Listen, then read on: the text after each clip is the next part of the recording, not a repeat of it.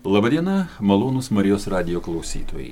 Šiandien kovo 11-oji Lietuvos nepriklausomos valstybės atkūrimo diena. Ir mūsų studijoje, Marijos radio studijoje, yra gerbima Sigita Miškinienė, Vytauto didžiojo karo muziejaus atstovė. Ir aš noriu jūsų paklausti, ponė Sigita, štai kovo 11-oji, tai yra mūsų laisvės ir nepriklausomybės diena. Kas jums yra laisvė? Žinokit, labai galvojau apie šitą klausimą, kas man yra laisvė ir kas mūsų tautai yra laisvė. Ir kas laisvė yra būtent šiom dienom ir šiandien. Ir svarščiau būtent apie Zikaro laisvės statulą, kuri visiškai yra šalia mūsų darbo, kiemelėje. Ir man toks gimė vaizdinys, kad šita skulptūra yra kaip aisbergo viršūnė kad virš vandens va ta skulptūra įsivaizduokit, o po vandeniu yra visas aisbergas, ar ne? Ir tas aisbergas tai yra žmonių laisvė. Jeigu jos nėra, jeigu mes jos netobulinam, nesigilinam, jeigu mes netobulėjam laisvėdami, tai ta zikaro skulptūra tokia tampa kaip plaukiantis plūduras, jis be pagrindo. Ir mes tada galim išoriškai labai atrodyti laisvi, sakyti, nu, kaip pasakyti, eiti ten kokius kryžiaus kelius ar, ar procesijas aplink tą laisvės statulą ir, ir žvakutes dėlioti ir ten bazonėliais apdėti, jeigu mes patys netobulėsime savo laisvę, mes, mes nebūsim laisvi. Pats simbolis, jisai nesuteikia mums laisvės, jisai tik gal kviečia pagalvoti apie. Laisvės statula Kaune buvo atstatyta 1989 taip, metais, taip. vasario 16 dieną ji buvo atidengta, vėlgi atstatyta. Prieš tai Kaune muzikinėme teatre, kuriame 1945 metais buvo, kaip sakant, tas garsusis liaudės Seimas, kuris, sakant, liepė stoti visiems į Tarybų sąjungą. Ten pat, va štai 89 metų vasario 15 dieną susirinko Lietuvos sąjūdžio e, Seimas ir buvo didžiulis posėdis, kuriame pirmą kartą buvo konkrečiai pasakyta, kad Lietuva eina į nepriklausomybę. Ten buvo visokiausių diskusijų, ilgos ten buvo, kaip sakant, pokalbiai, ginčiai, visa kita, bet buvo galtinė deklaracija, kad mes einam į nepriklausomą valstybę. Ir kitą dieną, simboliška, buvo atidengta laisvės statula. Kas yra Juozas Zikaras jos? Juozas Zikaras yra man ir Lietuvai turėtų būti tiesiog asmenybė, ant kurios ir stovi visas tas laisvės paminklas. Ir kai aš pradėjau gilintis į Zikaro biografiją, tai žinot, kokia man mintis kilo, kad ką veikia Lietuvos režisieriai, jie atsisėda ir dirbtinai sudarinėja kažkokius ten scenarius, kurie yra pritemti ir visokios nelaimės reikia išgalvoti ir dramą, ir įtampą, ir meilės. Ir jeigu paimtume Zikaro biografiją, tai ten išeitų holivudinis dešimt dalių filmas, kur absoliučiai viskas tikra ir dar reikėtų tos dramos mažinti, nes kaip žmogui tai net, sakyčiau, šiek tiek jos buvo ir per daug. Sakysim, tai tikras menininko gyvenimas. Ir menininko, ir žmogaus, ir kaip fakelo sudegusio tuo savo visų gyvenimu, nes gyveno labai sunkiu periodu, labai. Ir kaip mes dabar kalbam apie potrauminę visuomenę, tai Zikaras gyveno traumoje nuolatos, ten labai nedaug buvo to laiko, kai jie gyveno ramiai ir gražiai. Jo gyvenimas prasideda XIX e, amžiaus pabaigoje, Taip. būtent e, Panevežių krašte, Pompienuose, netoli Pompienų. Vat kaip, kas ta jo vaikystė? Nuostabi vaikystė, ta, gal nuostabi, tai kai sakau kaip filmo prasme, bet iš tikrųjų jinai labai sunki buvo. Aš dar noriu paminėti prieš tai, kad Senelis rekrūtuose tarnavo 25 metus, Kaip tėvas sakoma, 15. Ir jie gavo už tai, caro valdžia jiems davė tokios, nu, šiek tiek žemės, kurie buvo pelkynai ir kažkokie miškeliai, kur tikrai nebuvo derlinga ir jie labai skurdo.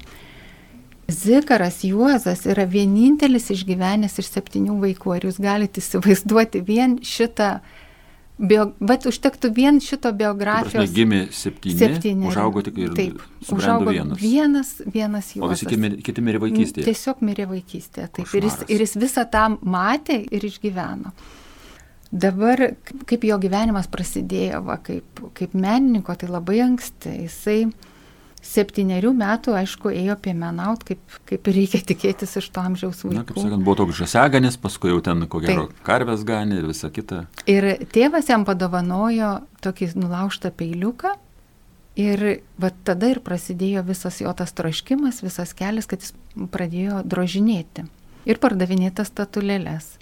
O ką jis droždavo? Jis droždavo mergaitės, berniukus, šuniukus, va kažkokius tokius Na, dailės parduotuvių nebuvo tais laikais, ne. nebuvo, kaip sakant, visokių ten turgų, kur ten buvo galima menų prekiauti. Ir jisai per žiemą padarydavo šešias tas skulptūrėlės ir po 5 centus parduodavo ir žiemos uždarbis buvo 30. Po 5 kapeikas. O atsiprašau, kapeikas, atsiprašau. Caro kapeikos. O taip, tai buvo vertingas daiktas, taip, tarp kitko. Ir jis uždirbdavo 30 kapeikų per žiemą.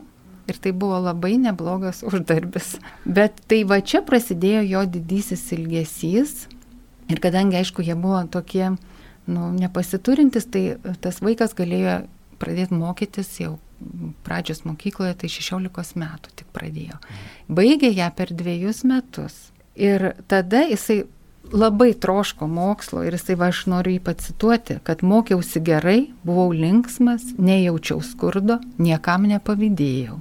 Gyvenimas man atrodė kaip vienas ilgas džiaugsmas. Įsivaizduoju, čia jau tie vaikai visi šeši seserys ir broliai palaidoti. Ir žmogus moka šitaip išgyventą džiaugsmą, kai vien dėl to, kad jis mokosi. Nors skaitant biografiją Zikaro, tai aš visą laiką su įtam pagalvojau, kada jis pirmą kartą sočiai pavalgė, nes tas vad badavimas, tai jisai ilgus, ilgus metus, diena iš dienos toks, nu, neprivalgymas, nuolatinis buvo. Kas jį išmokė skaityti lietuviškai? Mama. Mama išmokė skaityti lietuviškai, nes aišku, dar buvo draudimas spaudos. Toliau tarnavo Panevežė mokytų seminarijoje. Ir čia tokia drama įvyko. Nu, jinai yra labai vidinė, bet man jinai pasirodė labai nuostabi, kad šiukšliadėžėje rado žurnalo gabaliuką. E, nes jis valė patalpas, jis nebuvo mokinys, jis buvo ten kaip darbuotojas.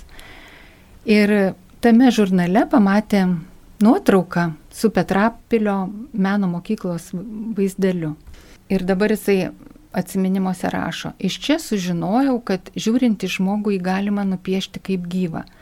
Šie paveiksliukai mane pritrenkė ir aš pirmą kartą pasidaviau pavydo jausmui, kokie tie studentai laimingi.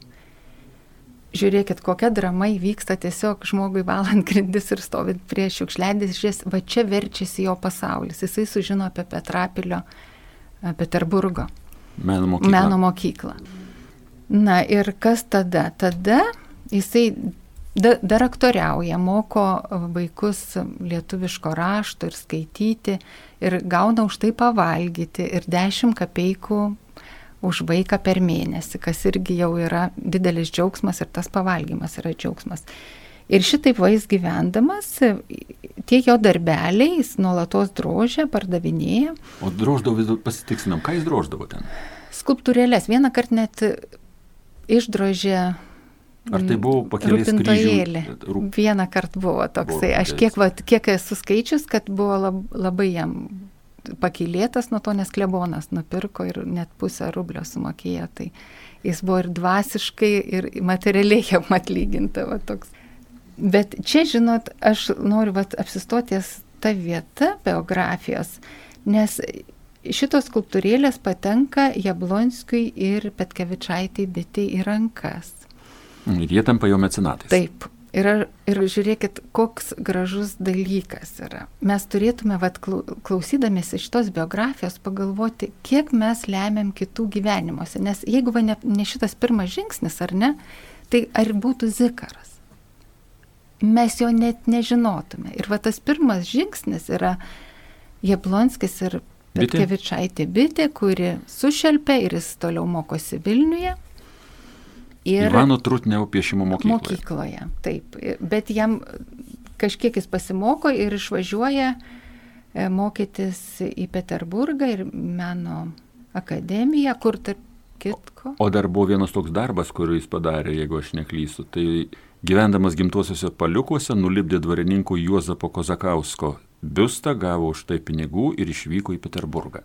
Taip, ir tarp kitko jis paskui tuos biustus vat, darė, jis iš to, jis, iš to galėjo. Rado pragyvenimo šaltinį. Taip, gal ne tiek labai, Peterburgė tai gal taip dažnai ir nebuvo, nes jau ten reikėjo labai mokytis, bet šitas buvo. Tiek, kad tie pinigai jie nebuvo taip, kad jis galėjo visą laiką mokytis už juos. Jie buvo tik tuo momentu. Na, nu, taip sakant, šiek tiek. Šiek tiek. Bet paramais gaudavo iš bitės ir, ir iš Jablonskio ir buvo toksai žiburėlis. E, A, draugija. Kažko, draugija, kuri rėmė. Nepasiturintiems moksleiviams remti. Taip. Na va, ir aišku, jam ten labai sunku įstoti Peterburgė į meno akademiją, nes jam trūksta išsilavinimo vis dėlto. Įstojęs labai sunkiai. Ir dar laisvų klausytojų. Tai Bet, reiškia, kad nei stipendijos, nei nieko gyven kaip norit, gali ateiti ir viskas. Ir ten vis tiek jis gyvena pas lietuvių kažkokį advokatą ir aš dabar tikrai negaliu pasakyti jo pavardės.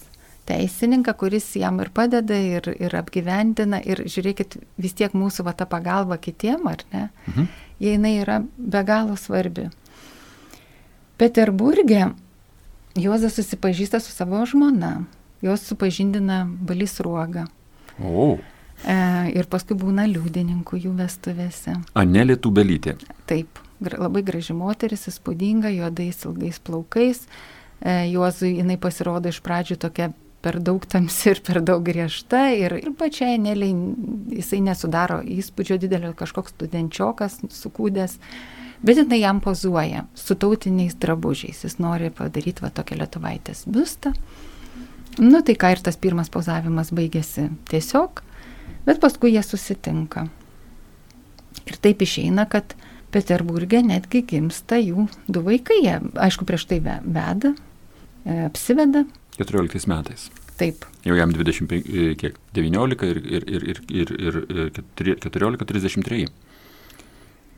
Ir čia atsiranda Juozo Zikaro biografijoje žmona Anelė Tubelytė Zikarienė, be kurios nebūtų Juozo visiškai net, ne tik kaip dailininko, bet ir kūno prasme. Aš dabar... Tiesiog jos dėka išgyveno. Visiškai.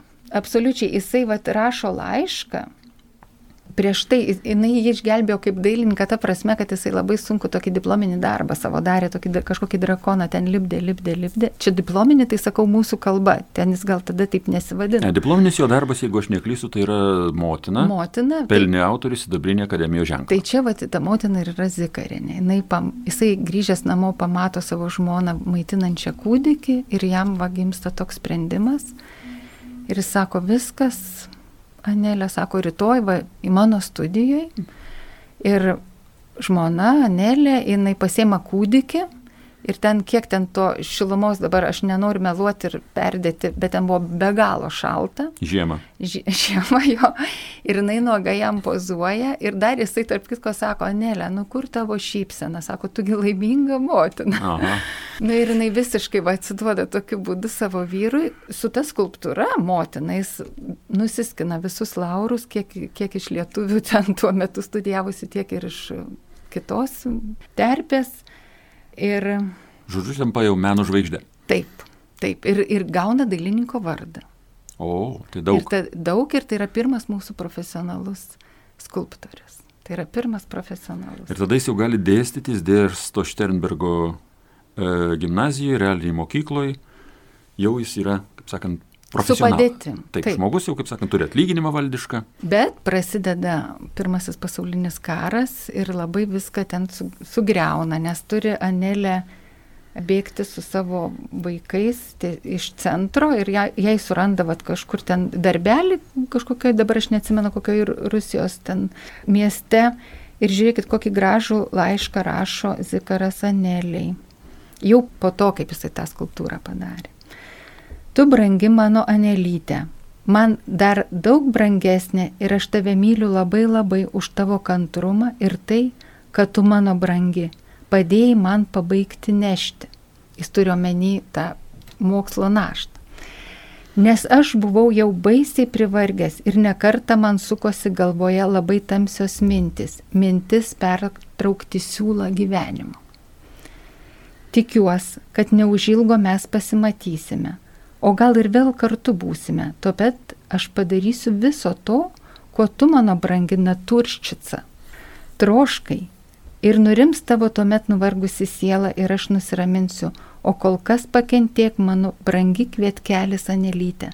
Tuo tarpu bučiuoju tave daug sykių ir spaudžiu prie širdies taipogi mūsų paukštelį Jurgiuką, tavo vyras, tėvas ir labai jūs mylintis Juozas. Pasižiūrėkit, kokia šiluma, ar ne? Ir koks žmonos vaidmuo, kad jisai sako... Išgelbsti jam gyvybę. Išgel, išgelbsti gyvybę, taip. Aš dar norėčiau pakomentuoti šitą vaizdelį kai aš skaičiau biografiją Zikaro, aš pagalvojau, mes turėtume visi mokytis ir, ir istorijos mokytis iš biografijų. Dabar visi pagalvokim apie savo biografiją, tai jeigu mes nesam Zikar, Zikaras, ar ne, kas yra labai aiškus pašaukimas, konkretus, tai mes turim būti kažkam Zikarinė arba bitė Petkavičiaitė. Paremti. Taip, kas mes, e, kaip mūsų biografijos siejasi su kitom biografijom. Man čia labai aiškus pamokslas toks išeito homilyje. Kad pats tas žmogus, net jeigu jis turi ryškiausią pašaukimą, jis be kitų žmonių yra. Taip sakant, talentas buvo iš prigimties, tačiau susikrito keletas laimingų dalykų, ne? Tiesiog vat, tos skultūrėlės jo pradinės, paskui ten klebonas kažkiek padėjo, po to ten Petkevičaitė bitė, reiškia, ir Jablonskis padėjo, po to jis rado sutiko nuostabią moterį, Taip. kuri padėjo jam išgelbėti gyvybę ir sukurti patį puikiausią jo gyvenimo darbą, tai yra ta motina. Kuris neišliko tarp kitko, liko tik nuotraukos. Jo nėra pati. Aišku. Taigi dabar 18 metai jis grįžta į Lietuvą. Grįžta jau su dviem vaikais, su dar Kaip vienu. vardai tiesa gal žinot? Žinokit, Jurgiukas ir... Jurgiukas ir aš ne, neatsimenu antro vardo Aha. dabar. Į kokią Lietuvą jie grįžta? O. Jie grįžta. Alkana, okupuota. Visiškai jie grįžta į nepriklausomybės kovas. Tai yra trys frontai. Yra frontas su Le Lenkais, su bolševikais ir su bermontininkais. Tai pirmas bolševikai, sakysim, ten taip, taip. 19 metų, prad, nuo pat pradžios jau, nes nuo sausio mėnesio prasideda, paskui įsijungė bermontininkai šiek tiek vėliau, nes kai kurie, va, tas tie vokiečiai, kurie turėjo padėti, reiškia, lietuviams, tai persimetė prie Bermonto kai kurie. Žodžiu, ten buvo, kaip sakant, galėjo ir vieni, ir antri, ir treti galėjo užimti Lietuvą, bet, žodžiu, kaip sakant, Taip. vis dėlto. Lietuvai... Visur vyksta mūšiai. Dabar jie grįžta ir tas jo dailininko vardas jis nieko nebereiškia šaly, kur nėra pinigų, yra nuolatinis karas. Ir žiūrėkit, jeigu mes vaikus vat, mokytumės, kaip istoriją mokom, mes pasakom tik datas ir kur mūšis vyko. O dabar pažiūrėkit, kaip jie grįžta ir kaip Zikarenė atsimena, kaip jie gyveno. Sako, mes nusipirkom du peilius, nes buvo banditizmas dar. Mhm. Mhm. Ir sako, tėvas buvo prie durų, o aš prie lango ir mes visą naktį šitaip prabūdavom. Visiškai kita istorija, ar ne? Per žmogaus biografiją. Apie meną kalbos nėra. Taip. kaip išgyventi. Taip, kaip išgyventi. Čia panevežys, bet panevežys jau buvo e, mokytojavo panevežio valstybinė gimnazija. Jie paskui persikraustė į panevežį. Jie, jie grįžo į jo paliukų kaimą iš pradžio, o paskui jisai Mhm, Čia ieškojo. pripumpinų. Taip, jis ieškojo darbo, išvažiavo į panevežį ir kol jis, jis rado tą darbą ir kaip jis jau pradeda įsibėgėti dirbti, miršta jų abu du vaikai. Ir jūs Jėzus. abu du berniukai miršta vienas po kito. Zikaras man labai gražu, kad jis atsiskleidžia kaip skausmo žmogus. Aš labai noriu va, pacituoti jo vieną laišką, kuris yra beveik kaip rauda. Nes vat, jis Aneliais, jinai neleid tavo įsivaizduokit savo to skausmo rodyti. Jinai iki paskutinio sukandus dantis nesiskūsdavo. O jisai rašo jai laišką. Kiek daug jau praėjo dienos gimimo bei brangaus ir mylimo laiko. Kiek maža gyventa, kiek daug pergyventa. Nelemta man džiaugtis nei saulės šviesa, nelemta gerėtis grožybėmis. Tiesa, ką kalbu, ne vienas esu, su manimi vienysta, su manimi skurdas. Ne nuožmus medžiaginis skurdas, bet dvasios slogėjas. Ir va tas dvasios slogėjas jame gyvens visą gyvenimą, bet Zikaras, nepaisant to dvasios slogėjo, jis išliks absoliučiai vilties žmogum mum, visiems. Kaip aš apie jį mastau, va šitoj biografijos vietoj, aš pagalvojau apie mūsų visų biografijas, pagalvokim apie žmonės, kuriuos pažįstame. Tai žinot, vienas turi lysvelę tokią kaip, nu, va, lysvelę ir jis pasisėjęs ausiklyčių, su kaimynais pasisveikina per tvorą. O Zikaro biografija buvo tokia, kad jis prisėjo į visas mūsų lysves daugeliui kartų į priekį. Bet Žinot, kokią mes klaidą darom? Mes darom klaidą, kad mes nusaldinam to žmonės. Mes nusaldinam, padarom tokius, nu, tarsi jie labai buvo tautiški, jie vien tom tautiškom ten gyveno mintim, bet iš tikrųjų jie baisiai daug patyrė kančios ir net ir tos nevilties, kuriai neleido prasiveršti. Jis buvo, jinai visą, visą tą laiką buvo, nes va dabar va ir po tų dviejų vaikų laidotuvių prasiveržė tas skausmas. Tai sako Sigita Miškinienė, Vytauto didžiojo muziejaus e, darbuotoja. Mes kalbamės apie Juozą Zikarą ir jo skulptūrą Laisvė. Taigi Zikaras jau panevežį po 18 metų, jis ten išgyvena dešimtmetį ir sukuria turbūt visą, kas svarbiausia Lietuvoje. Ar ne?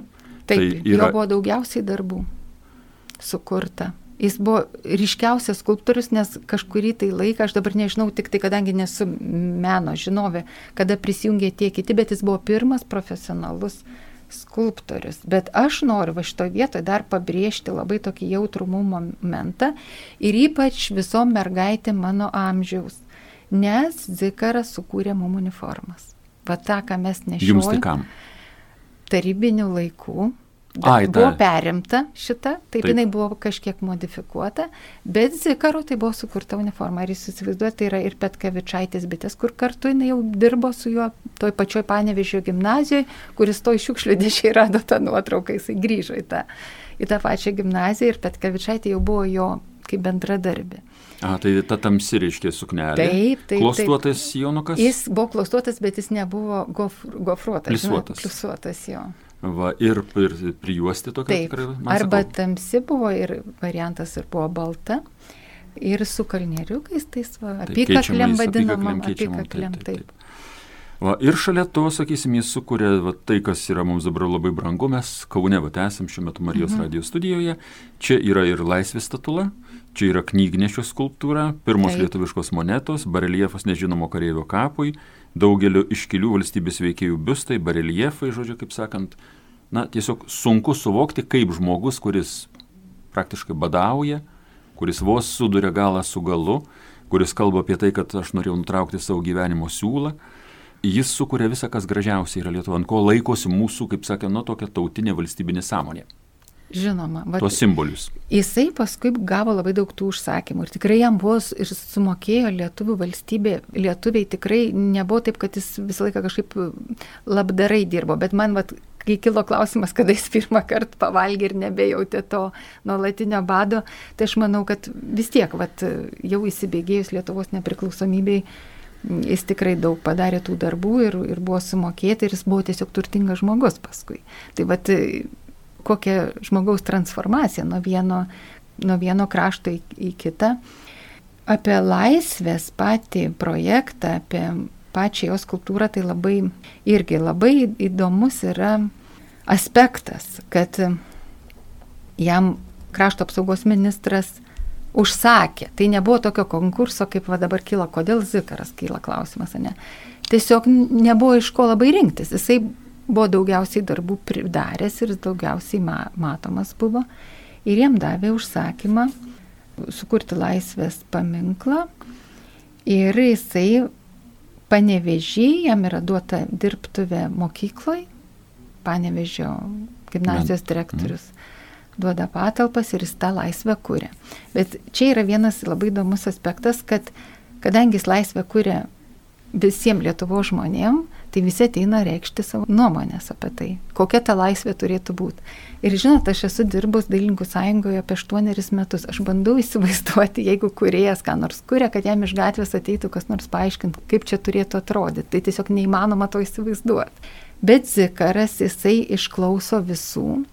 Ir čia yra dar vienas jo charakterio bruožas, kad Jis nors ją visiškai kitaip įsivaizdavo, jam patiko, pavyzdžiui, Augustas Rodenas. Ir jūs pasižiūrėkite Augusto Rodeno darbus, kaip turėjo, kaip turėjo atrodyti laisvė. Jis ten pas jį su drabužiai sunkiai atrasi skulptūrų. Na ir jisai pirmą variantą padaro laisvės tokiais atidengtais keliais, su lengva suknele. Ir kojos turi matytis, kas tuo metu lietuviam atrodė, kad yra baisu. baisu. Man kas yra gražu, kad Zikaras priima šitą paprastų žmonių nuomonę, kad ta suknelė turi būti su uždengtais keliais ir kojomis, vis tiek ta laisvė atrodo kaip nuoga, iš tikrųjų, jinai matom, visos formos matomos. Čiagi vėl kas pozuoja laisviai? Žmona? Žmona. O, geras. Nes žmona, jinai sako, tau Juozai pasisekė, tu turi modelį visam gyvenimui, nors veiduką jisai ten renkasi, ten yra variantų, kad vieni sako, kad Marija Ramanauskaitė Stankievičianė, o kiti, kad vieno iš sunų, teisučio krikšto mama Elena Jesinskaitė. Jie, tarp kitko, po to turėjo keturis vaikus. Ir tai, jie užaugo, trys sūnus paskui emigravo. Ką aš dabar norėjau pasakyti, kad kad jisai priima tą žmonių pageidavimą ir jisai padaro vis tiek nuostabią laisvę ir jisai sako, kad na ir gerai, sako, ir dar yra geriau. Jisai sako, kad nutrauktos grandinės yra kūno laisvė, kad yra veiksmų laisvė, parnai tai yra sielos laisvė. Jis mums duoda visą platų laisvės aspektą, kad lietuviai galėtų ilgai kontempliuoti šitą šitą jo požiūrį ir, ir ieškoti savietų aspektų. Esam verti, ar mes išpildom šitą programą. Paskui jisai atvažiuoja į Kauną, dirbti e, Kauno meno mokykloje ir įkviečia ministras Šakenis. Ir mm. man tai pasirodė, vat, gilinantis, kad tai yra laimingiausias laikotarpis iki karo. Maždaug taip, kad jisai 44 miršta savo namuose, tai galima sakyti, kad iki 44. 34 lapkričio 18 dieną. Jisai dėsto, jisai be galo rūpestingas yra dėstytojas, užaugina visą skulptorių kartą, kuriuo aš dabar negaliu minėti, nenoriu kažkurio tai užgauti, nes jie visi... Vieną kitą, jeigu galima. Ger... Paškevičinė, Juozas Kaminskas, Vytautas Kašuba, Juozas Kėdainis, Aleksandras e, Mačiulionis, Viktoras Palys, E, Napoleonas Petrulis, Leonas Žuklys, Vladas Žuklys ir dar daugelis kitų. Taip, jisai labai rūpinasi ne tik kaip studentais ir kaip būsimais menininkais, bet jis rūpinasi kaip žmonėmis. Jisai dalinasi išmintimi, kaip pavyzdžiui, sugyventi šeimoje.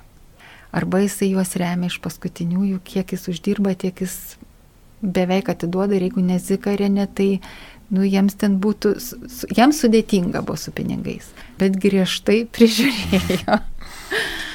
Viskas gerai, kaip sakant, viskas labai gražu, labai, kaip sakant, dora, krikščioniška, taip, taip, taip, žmogiška, žmoniška, bet, nu, valgyti visiems reikia. Reikia. Man yra gražu, kad tas žmogus, jis nėra toks išgrįstas ir jis, pavyzdžiui, turėjo bedelę su lošimo. Bet ta Čia kaunė tokių buvo tada? Pasirodo buvo, aš ir būčiau nežinojęs, kad buvo. Bet jeigu draugas nueina į kavinę, tai sako, kad Juozas, jisai, ne, jam ten ta čerkelė, tai nieko, bet va su lošimo automatais yra. Bet žiūrėkit irgi, va, mes žinom va tokią detalę, bet tai niek, tie lošimo automatai neturėjo kažkokios tai lemtingos, kaip žmonės būna, kad visiškai, nu, tiesiog jisai sugebėjo šitą savo bėdą Azartiškas buvo žmogus. Taip. Aistringas, azartiškas. Ir matė gražias moteris ir mokėjo joms tą pasakyti. Apie Juozo Zikaro laisvės skulptūros sukūrimą, jos šimtmečio kelionę ir reikšmę Lietuvos valstybei kalbėjosi Vytauto didžiojo karo muziejaus darbuotoja Sigita Meškinienė ir Vėlius Kaminskas.